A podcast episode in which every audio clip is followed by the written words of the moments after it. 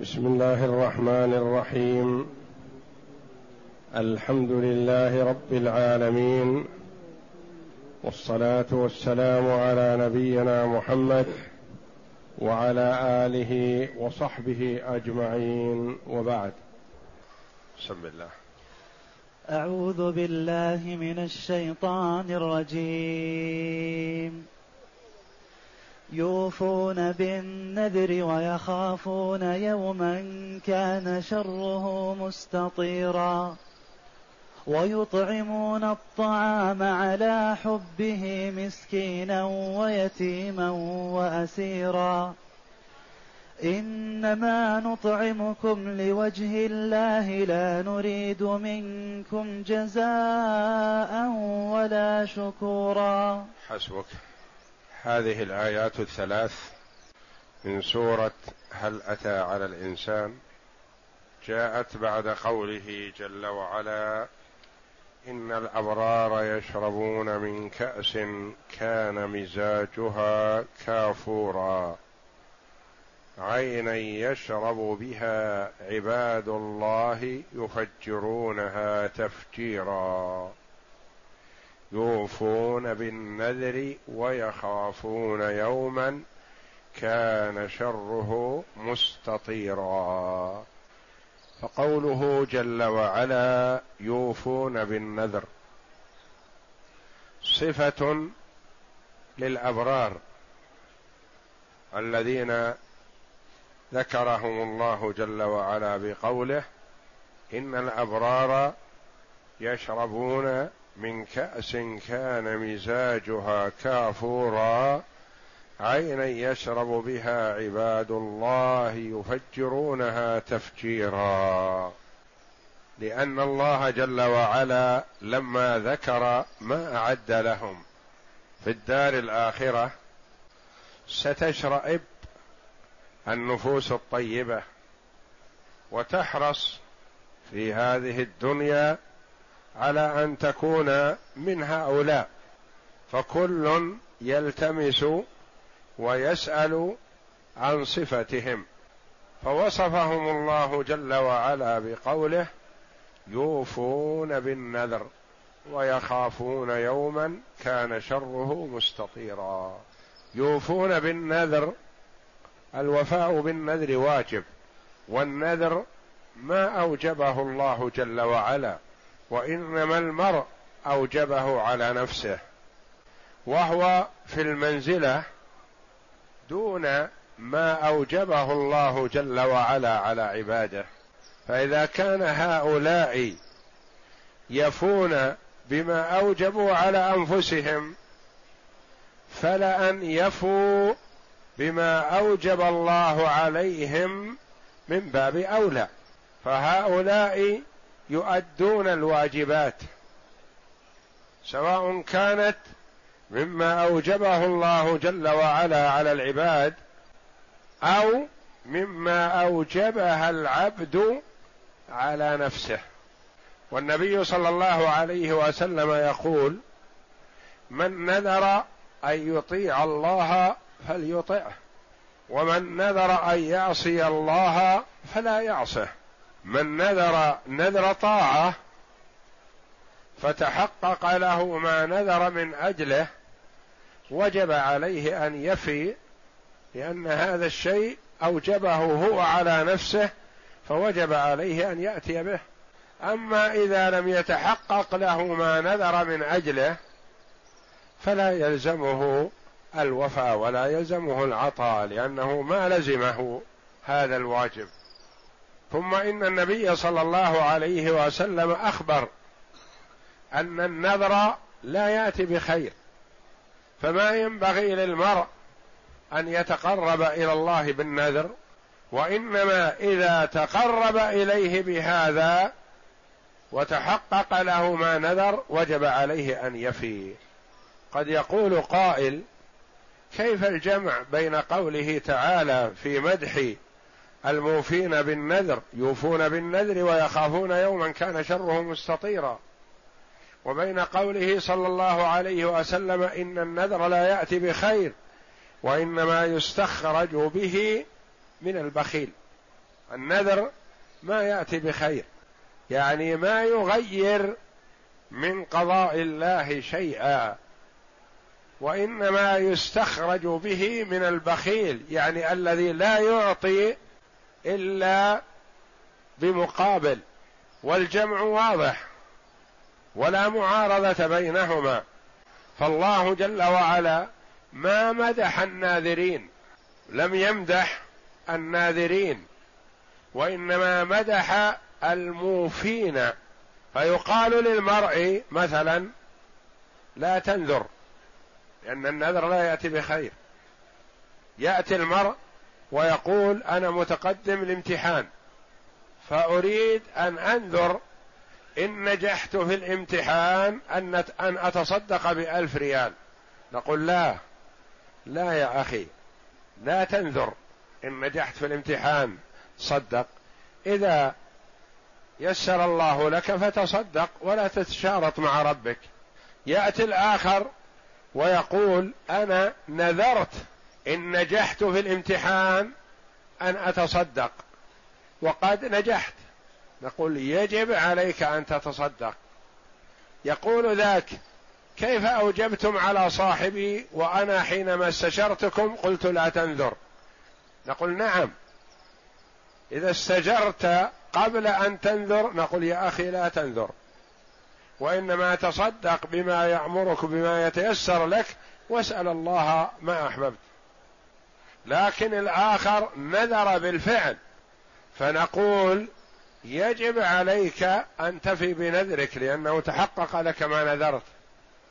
يأتينا الثالث ويقول أنا نذرت إن نجحت في الامتحان أن أتصدق بألف ريال. وما نجحت. هل يجب علي شيء؟ نقول لا ما يجب عليك شيء. لأنك نذرت إن نجحت ولم تنجح فما يجب عليك شيء. إذا فباب النذر لثلاثة أقسام. نذر فتحقق له ما نذر من أجله. يجب الوفاء. نذر ولم يتحقق له ما نذر من أجله. ما يجب عليه شيء.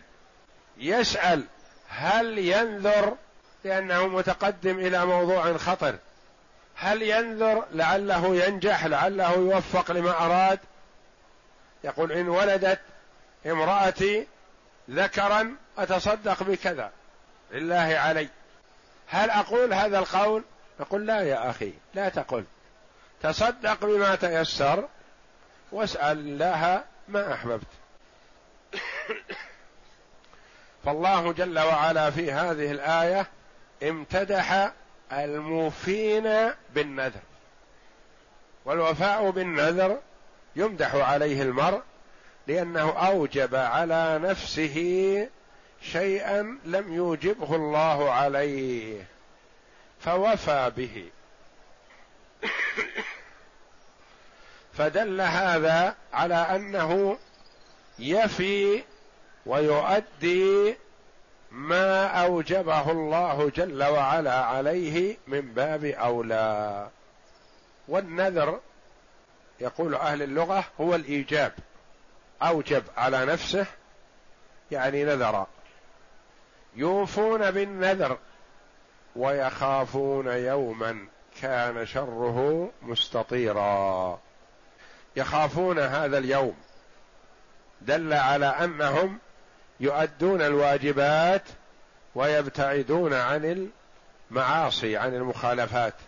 يخافون يوما كان شره مستطيرا. يعني ربما هم بمعصية فتذكر يوم القيامة فخاف من العذاب. خاف أن يخفق في ذلك اليوم بسبب المعاصي فتركها. يوفون بالنذر ويخافون يوما كان شره مستطيرا مستطيرا منتشرا. شره كثير يوم القيامة إلا على من سلم الله جل وعلا. فالناس يفزعون ويخافون وترجف أفئدتهم. والسماوات تتشقق والكواكب تتناثر وتلف الشمس والقمر وتدك الجبال وتغور المياه ويحصل من المصائب والمخاوف ما الله جل وعلا به عليم. يشيب منه الولدان فهم يستعدون في الدنيا هذه صفتهم في الدنيا. يخافون ذلك اليوم يعني ذلك اليوم على بالهم وعلى حسابهم وعلى أفئدتهم دائما وأبدا. يوفون بالنذر ويخافون يوما كان شره مستطيرا يعني منتشرا يعم كل شيء إلا من سلم الله. الذين تتنزل عليهم الملائكة كما سمعنا في قراءة إمامنا. إن الذين قالوا ربنا الله ثم استقاموا تتنزل عليهم الملائكة ألا تخافوا ولا تحزنوا لأن ذلك اليوم يوم خوف. لكن الملائكة تبشر من استقام على طاعة الله من وحد الله وعبده وحده لا شريك له ويخافون يوما كان شره مستطيرا منتشرا يعم أهل الموقف إلا من سلم الله. يقول تعالى يوفون بالنذر ويخافون يوما كان شره مستطيرا أي يتعبدون الله فيما أوجبه عليهم من فعل الطاعات الواجبة بأصل الشرع وما أوجبوه على أنفسهم بطريق النذر. قال الإمام مالك عن عائشة رضي الله عنها أن رسول الله صلى الله عليه وسلم قال من نذر أن يطيع الله فليطعه ومن نذر أن يعصي الله فلا يعصه. رواه البخاري. ومن نذر أن يعصي الله فلا يعصه. رواه البخاري. هذا الحديث صحيح. من نذر أن يطيع الله فليطعه. يعني يجب عليه أن يفي بنذر الطاعة. ومن نذر أن يعصي الله فلا يعصه. نذر مثلا أنه إن فعل كذا إن حصل له كذا وكذا يصدر منه نوع من أنواع المعصية أي نوع. مثلا أن يقتل فلان أو أن ينحر ناقة فلان أو أن يظلم فلان أو يسلب أموال فلان أو نحو ذلك. فنقول هذا لا يفي بنذره نذر المعصية. أو مثلا يقول إن شفى الله مريضي لأحجن إلى قبر فلان أو لازورن المشهد الفلاني في بلد كذا وكذا. نقول هذا نذر معصية هذا نذر يقرب إلى الشرك فلا يعصه. وهل يلزمه كفارة أو لا يلزمه؟ قولان للعلماء رحمهم الله. بعضهم قال يلزمه الكفارة لأنه ورد في بعض ألفاظ الحديث وكفارته كفارة يمين. وبعض العلماء لم يثبت هذه الزيادة في الحديث فقال كفارته عدم الوفاء به أنه لا يفي بالنذر الذي نذره ما دام يعصي ما دام معصية. وورد أن امرأة سلمت من الاسر والعدو بركوبها على ناقة النبي صلى الله عليه وسلم ونجاتها عليها فنذرت إن نجت على هذه الناقة أن تنحرها. فقال النبي صلى الله عليه وسلم لا نذر في معصية الله ولا فيما لا يملك ابن آدم. ما يسوغ أن تنذر شيئا لا تملكه وليس لك. تقول إن شفى الله مريضي لأذبحن شاة فلان جاري مثلا. لا هذا ليس ملكك وليس لك. أما هل يلزمه كفارة أو لا يلزمه؟ قولان للعلماء رحمهم الله. ويتركون المحرمات التي نهاهم عنها خيفة من سوء الحساب يوم المعاد وهو اليوم الذي شره مستطير أي منتشر عام على الناس إلا من رحم الله ويطعمون الطعام على حبه. قوله تعالى ويطعمون الطعام على حبه مسكينا ويتيما وأسيرا. الوفاء بالنذر شيء وإطعام الطعام شيء. قد يكون الوفاء بالنذر سهل عليه لأنه لا يتطلب مال. يقول إن شفى الله مريضي مثلا لأصومن عشرة أيام. أو إن نجحت بالامتحان لأصومن شهرا لأصومن سبعة أيام لأصومن يوما ونحو ذلك. فهذا قد يسهل على بعض الناس لكن الإنفاق هو الصعب. امتدحهم الله جل وعلا بالعطاء من أموالهم والإيثار بما هم في حاجة إليه. فقال تعالى ويطعمون الطعام على حبه.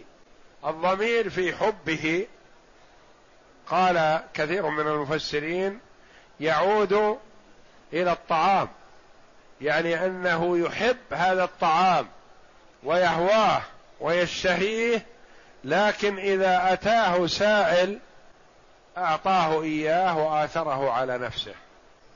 ويطعمون الطعام على حبه كما فعل كثير من الناس. كثير من السلف رحمة الله عليهم ومن الصحابة خاصة كان يقدم طعامه بين يديه وهو صائم في أمس الحاجة إليه فيأتيه سائل فيقول أعطوه إياه. ويبقى لا فطور له يؤثر على نفسه ويشتهي الشيء وهو مريض ليأكله وليتقوى به فيأتيه سائل فيقول أعطوه إياه. كما ورد أن عبد الله بن عمر رضي الله عنه اشتهى وهو مريض عنبا فأرسلت امرأته بدرهم يشترى له به عنقود عنب فذهب الغلام واشترى فكأن سائلا سأل تعلقت نفسه بهذا العنقود. فجاء خلف الحامل للعنقود. فوضع بين يدي عبد الله بن عمر ليأكل منه. فطرق الباب وقال سائل. فقال أعطوه إياه. فأعطوه إياه ولم يذقه. ثم إن زوجته أرسلت بدرهم آخر. وقالت أحضر به عنقود. فذهب فتبعه سائل. هل هو الأول أو الآخر؟ الله أعلم. أو غيره؟ فتبعه سائل. فلما وضع بين يديه قال سائل فقال أعطوه إياه. ثم إنها أرسلت بدرهم ثالث ليشترى به. فذهب الرسول ليشتري فأرسلت المرأة إلى السائل الذي يريد أن يتبعه قالت والله إن تبعته وسألته لا تصيب خيرا. يعني حتى لو أعطاك إياه قد ندعو عليك. ما يدخل عليك بالخير. فاعتزلنا. فلم يأتي ووضع بين يديه فأكل منه. رضي الله عنه. وهم الذين قال الله جل وعلا عنهم يؤثرون على أنفسهم ولو كان بهم خصاصة. وينقل عن كثير من الصحابة رضي الله عنهم أنه كان يوضع الطعام الذي هو في أمس الحاجة إليه بين يديه وهو صائم فيأتيه السائل فيؤثره به.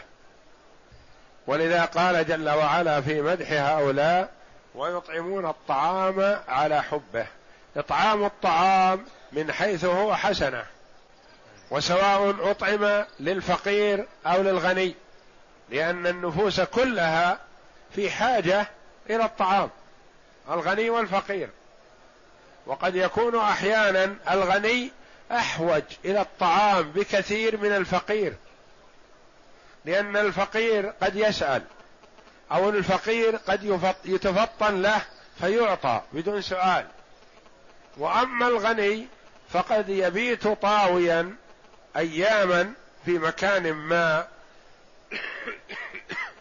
ما يجد طعاما وليس معه تلك ذلك الوقت نقودا يشتري بها ولا يدعى لطعام فتكون حاجته إلى الطعام أكثر من حاجة الفقير بكثير. ولذا قال الله جل وعلا ويطعمون الطعام امتدحهم بأنهم يطعمون الطعام على حبه يعني يطعمه الغني يطعمه الفقير يطعمه الضيف يطعمه مثلا الجار يطعمه المحتاج إليه ويطعمون الطعام على حبه وهم يحبونه ويودونه. لا يكون طعامهم بعد شبعهم. يعني إذا شبع من الطعام تصدق بهذا حسن. لكن أحسن منه أن يطعم الطعام وهو في حاجة إليه وهو يريده. ويطعمون الطعام على حبه يعني حب الطعام هذا هو الظاهر. وقال بعض العلماء على حبه يعني حب الإطعام. يعني عندهم غريزة وعندهم شهوة لإطعام الطعام. فطرهم الله جل وعلا على هذه الخصلة فهم لا يطعمون الطعام وهم كارهون. أو يطعمون الطعام وهم غير مرتاحين لهذا كأنهم يجاهدون أنفسهم لا يطعمون الطعام على حب الإطعام عندهم يعني محبة النفع كأنها غريزة فيهم. ويطعمون الطعام على حبه حب الإطعام. وقيل قول ثالث المراد والله أعلم الضمير يعود إلى الله جل وعلا. يعني يعود يطعمون الطعام محبة لله.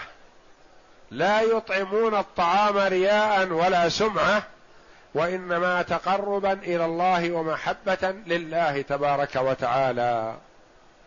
والمعنى الأول أظهر والله أعلم ولا ينافي المعنيين الأخيرين. ويطعمون الطعام على حبه مسكينا. ويتيما وأسيرا. المسكين هو نوع من الفقير. والخلاف بين العلماء رحمهم الله هل المسكين أحوج من الفقير؟ أم أن الفقير أحوج من المسكين؟ فبعض العلماء قال المسكين أرفع حال وأحسن حال من الفقير. قال الفقير هو من لا يجد شيئا أو يجد أقل من نصف الكفاية. والمسكين هو من يجد نصف الكفاية فأكثر ولا يجد الكفاية. والدليل على هذا أن الله جل وعلا بدأ بالفقير قبل المسكين. وقال تعالى إنما الصدقات للفقراء والمساكين. وإذا ذكر الفقير وحده شمل الفقير والمسكين. وإذا ذكر المسكين وحده شمل الفقير والمسكين. وإذا ذكر معا فقد اختلف العلماء أه أيهما أحسن حالا من الآخر. ويطعمون الطعام على حبه مسكينا.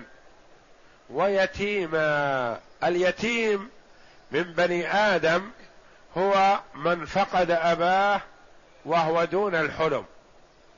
يعني ال...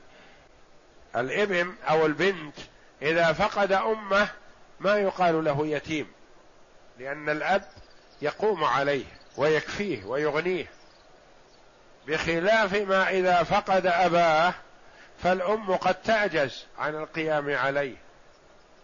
فيقال له يتيم. قالوا ومن البهائم يقال يتيم لمن فقد أمه لأن البهيمة حاجتها إلى أمها أكثر لأنها لا علاقة ولا ارتباط بينها وبين أبيها وإنما ارتباطها بأمها لأنها ترضعها. هذا من حيث اللغة.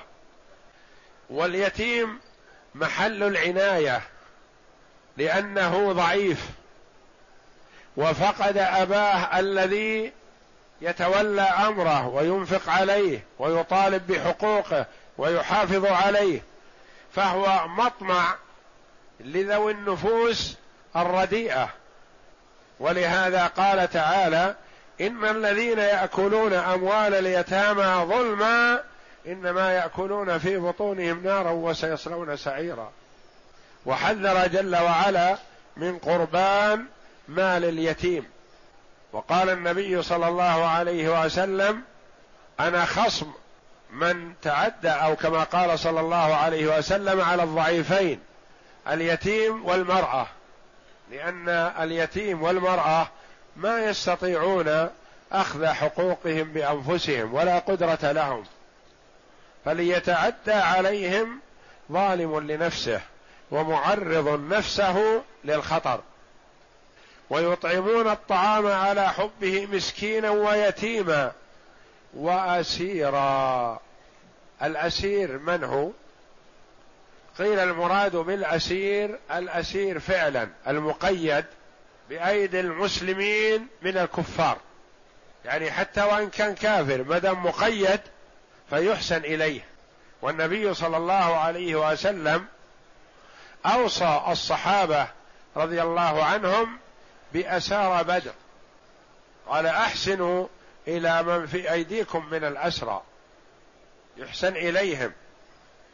فكان الصحابة رضي الله عنهم امتثالا لوصية النبي صلى الله عليه وسلم يؤثرون الأسير على الطعام الحسن ويأكلون هم الأقل. على حسب شهوة وتوجه الأسير. أحيانا يكون الخبز أحب إليه من التمر فيؤثرونه بالخبز ويأكلون هم التمر. وأحيانا يكون التمر أحب إليه فيؤثرونه بالتمر ويأكلون ما سواه. فالأسير من أسره المسلمون قبل أن يقضي الله فيه ما أراده. قد يحسن إليه وهو سيقتل بعد ساعة لأن للإمام النظر في الأصلح والأنفع في حق الأسرى وليس نظره هذا لمصلحته النفسية أو لشهوته وإنما لمصلحة الإسلام والمسلمين. فقد يؤثر الإمام قتله. الإمام أن من المصلحة قتل هذا الأسير وهو قبل ساعة كان يوصي بالإحسان إليه. في مأكله. وقد يرى الإمام أن من المصلحة أخذ المال منه فداء وإطلاق سراحه لعل الله أن يهديه للإسلام. وقد يرى الإمام أن من المصلحة المن عليه بدون مقابل. وإطلاق سراحه والنبي صلى الله عليه وسلم فعل الأصناف الثلاثة عليه الصلاة والسلام. أمر بقتل بعض الأسرى وأمر بأخذ الفداء من بعض الأسرى وأمر بإطلاق سراح بعض الأسرى بدون مقابل. فقد قتل بعض الأسرى في موقعة بدر لأن في قتلهم راحة للإسلام والمسلمين. شرهم مستطير. فأمر بقتلهم عليه الصلاة والسلام. ورأى أن في بعض الأسرى يؤخذ الفداء وأخذ الفداء عليه الصلاة والسلام من عمه العباس وابن عمه عقيل ابن أبي طالب. وأطلق سراح بعض الأسرى بدون مقابل ثمامة ابن أثال رضي الله عنه شيخ اليمامة. أسر وكان يخشى ويتوقع أن يقتل لأنه قدم أعمال سيئة ضد الإسلام والمسلمين. ويتمنى لو طلب منه النبي صلى الله عليه وسلم المال الكثير يعطيه ما شاء. وما كان يتوقع أنه يمن عليه أو يرسل بدون مقابل. وأسر في المسجد أياما والنبي صلى الله عليه وسلم يمر عليه بين وقت واخر ويقول ما وراءك يا ثمامة؟ وهو مربوط في سارية من سوار المسجد. فقال إن تقتل تقتل ذا دم. يعني إن قتلت فأنا مستحق للقتل. وإن تمن تمن على شاكر أنا أشكرك وأحمدك. إذا مننت علي. وإن تطلب المال فاطلب ما شئت. الخير واجد. اطلب ما تريد. فينصرف النبي صلى الله عليه وسلم ويتركه. يريد منه النبي صلى الله عليه وسلم لعله يعلن إسلامه فيمن عليه. لكن الرجل لا صلب.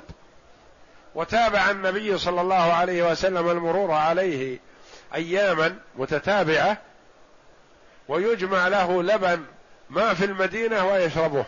مع ربطه في المسجد يعطى أفضل الطعام عندهم الذي هو اللبن. ويؤتى به له بحليب نعم كثيرة.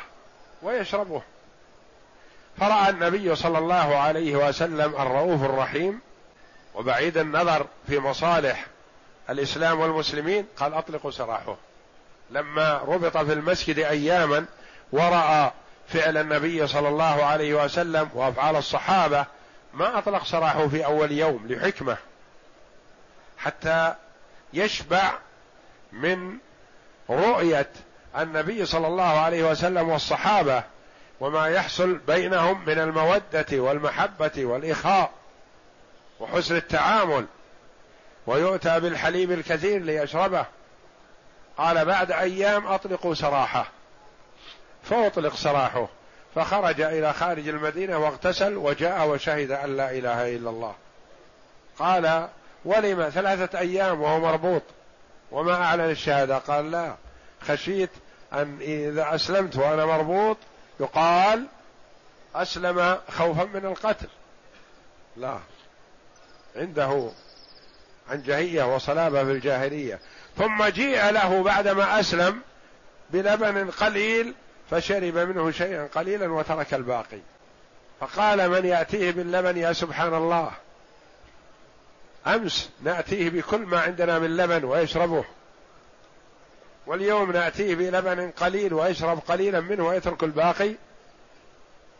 فقال له النبي صلى الله عليه وسلم نعم بالأمس كافر والكافر يشرب يأكل بسبعة أمعاء ما يشبعه شيء.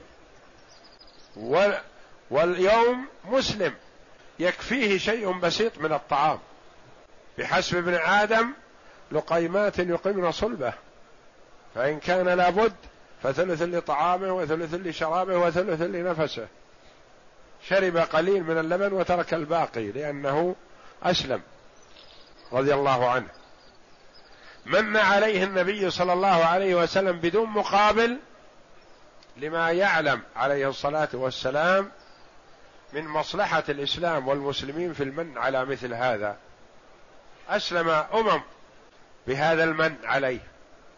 لأنه ملك اليمامة.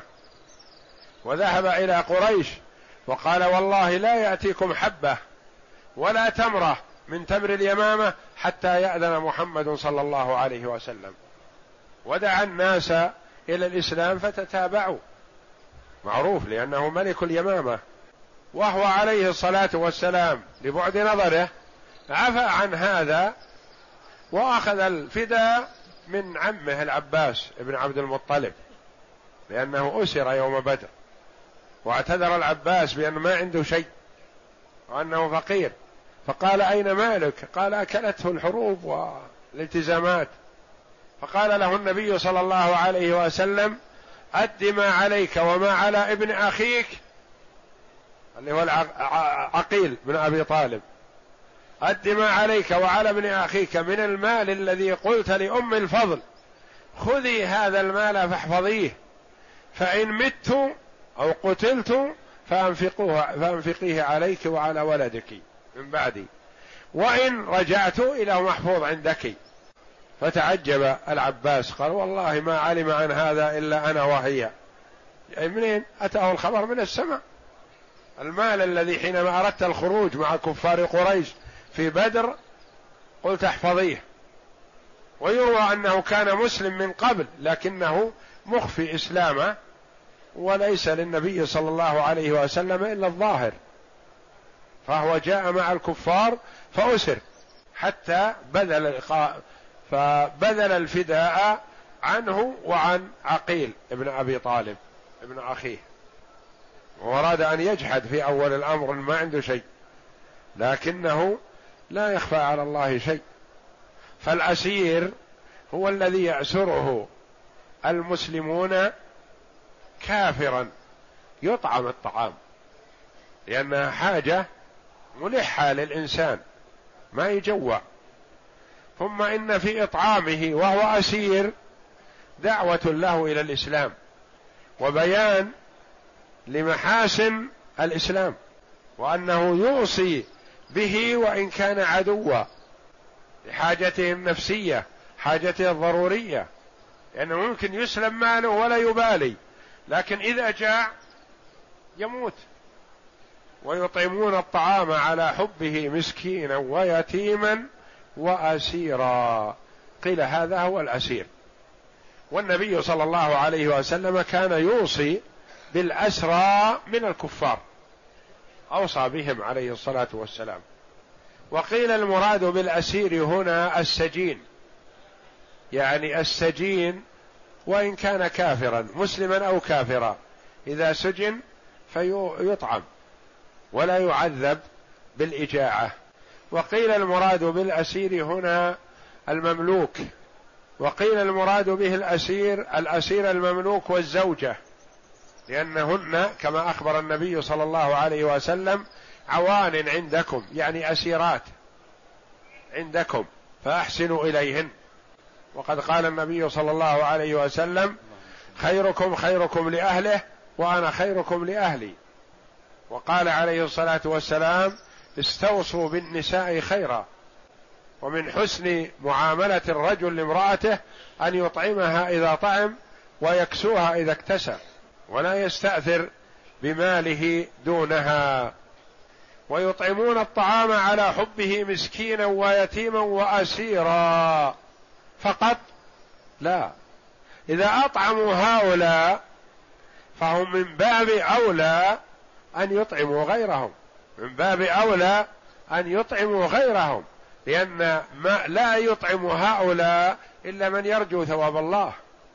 فمن يطعم هؤلاء الأصناف من الناس غالبا يكون إطعام غيرهم من باب أولى. يطعم غيرهم. ثم أخبر جل وعلا عنهم عما في نفوسهم لأنه يعلم ما توسوس به نفس العبد. لو لم يقولوا ويطعمون الطعام على حبه مسكينا ويتيما وأسيرا إنما نطعمكم لوجه الله. يعني قالوا في أنفسهم وإن لم يتكلموا بألسنتهم قالوا نحن نطعمكم لله. ما نريد منكم مقابل لهذا. وفي هذا رفع للحرج عن المطعم. لأني كأنه يقول له يا أخي أنا أطعمك لكن ما أريد منك شيء ولا أريد مقابل لهذا الإطعام. أنا أطعمك لوجه الله. فلا تتكلف القضاء أو المكافأة لأني ما أريد منك شيئا أبدا. إنما نطعمكم لوجه الله لا نريد منكم جزاء. ما أريد أن تكافئني على هذا. قد يقول العسير مثلا أنا إذا ذهبت إلى بلدي أو أهلي ما أنسى ما أعطيتني. سأرد عليك. يقول له لا أنا ما أعطيتك من أجلك وإنما أعطيتك من أجل الله. فما أريد منك جزاء. ما أريد منك مكافأة. ولا شكورا. ما أريد منك جزاء.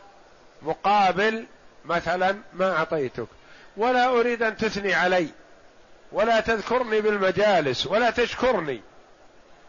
هذا العطاء بيني وبينك ولا أريد له مقابل. لأن بعض الناس الذي يعطي رياء وسمعة يحب من المعطى أن يقول أعطاني فلان وأعطاني فلان وتفضل علي فلان. فكأن هؤلاء يقولون نحن نعطيكم ولا نحب أن تذكرونا بشيء. إلا في الدعاء بينكم وبين الله. هذا سر.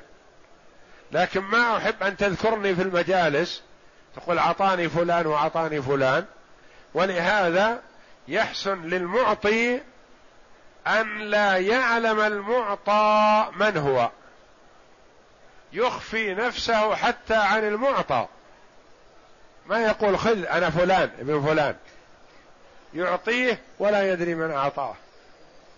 كما ذكر صلى الله عليه وسلم من السبعة الذين يظلهم الله في ظله في عرصات القيامة. رجل تصدق بصدقة فأخفاها حتى لا تعلم شماله ما تنفق يمينه. يعطي ويخفي عن شقه الأيسر.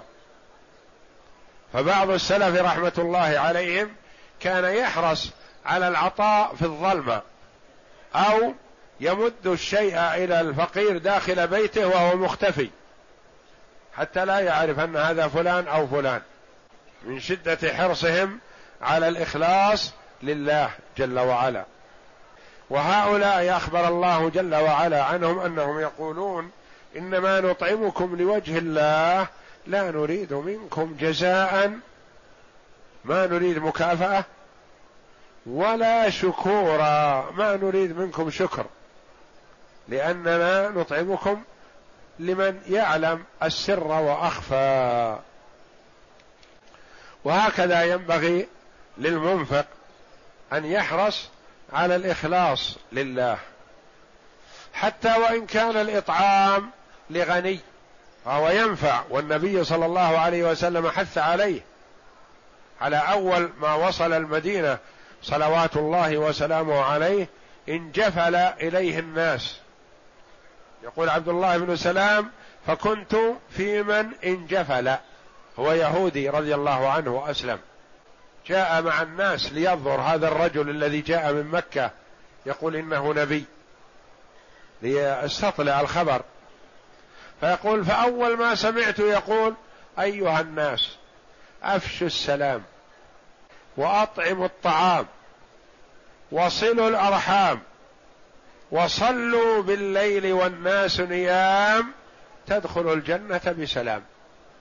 يقول عبد الله بن سلام رضي الله عنه فلما رأيته عرفت أن وجهه ليس بوجه كذاب لأن اليهود يقولون هذا كذاب ما هو رسول ولا نبي هذا كذاب. يقول لما عرفته رايت بعيني وسمعت باذني ما يقول عرفت أن وجهه ليس بوجه كذاب. هذا يظهر عليه الصدق. أيها الناس أفشوا السلام فيه الطمانينه وإدخال السرور على من لقيت. وأطعموا الطعام. كل من عرفته ومن لا تعرف. أطعموا الطعام لكل أحد. في كل كبدة رطبة أجر. حتى البهائم. وصلوا الأرحام الذين هم الأقارب. وصلوا بالليل والناس نيام. صلاة العشاء وصلاة الليل. إذا فعلتم ذلك تدخلوا الجنة بسلام. ولهذا والله أعلم أن عبد الله بن سلام رضي الله عنه سمى نفسه عبد الله بن سلام لما سمع هذه المقالة من النبي صلى الله عليه وسلم. وإلا ما كان اسمه في اليهودية عبد الله بن سلام رضي الله عنه. إنما نطعمكم وإنما هذه أداة حصر. يعني ما لنا هدف في أعطاكم إلا شيء واحد إننا نرجو ثواب الله. إنما نطعمكم لوجه الله. لا نريد منكم جزاء ولا شكورا.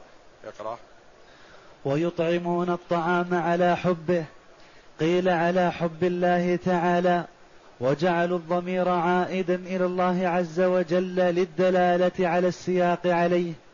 والأظهر أن الضمير عائد على الطعام أي ويطعمون الطعام في حال محبتهم وشهوتهم له. وكما قال الله جل وعلا لن تنالوا البر حتى تنفقوا مما تحبون. إذا أردت أن تنال البر والثواب عند الله جل وعلا والزلفى فأنفق من الغالي عليك. لن تنالوا البر حتى تنفقوا مما تحبون. ولما سمعها الصحابة رضي الله عنهم أبو طلحة رضي الله عنه سمع هذه الآية أثرت في نفسه. فقال أحب إلي أموالي بيرحا وكانت حديقة حول المسجد النبوي وكان النبي صلى الله عليه وسلم يدخلها ويشرب من ماء فيها طيب فأثرت هذه الآية الكريمة في نفسه فجاء إلى النبي صلى الله عليه وسلم يطبقها. فقال يا رسول الله إن الله جل وعلا يقول لن تنالوا البر حتى تنفقوا مما تحبون وإن أحب أموالي إلي بيرحا. هذه الحديقة هي أحب ما أملك.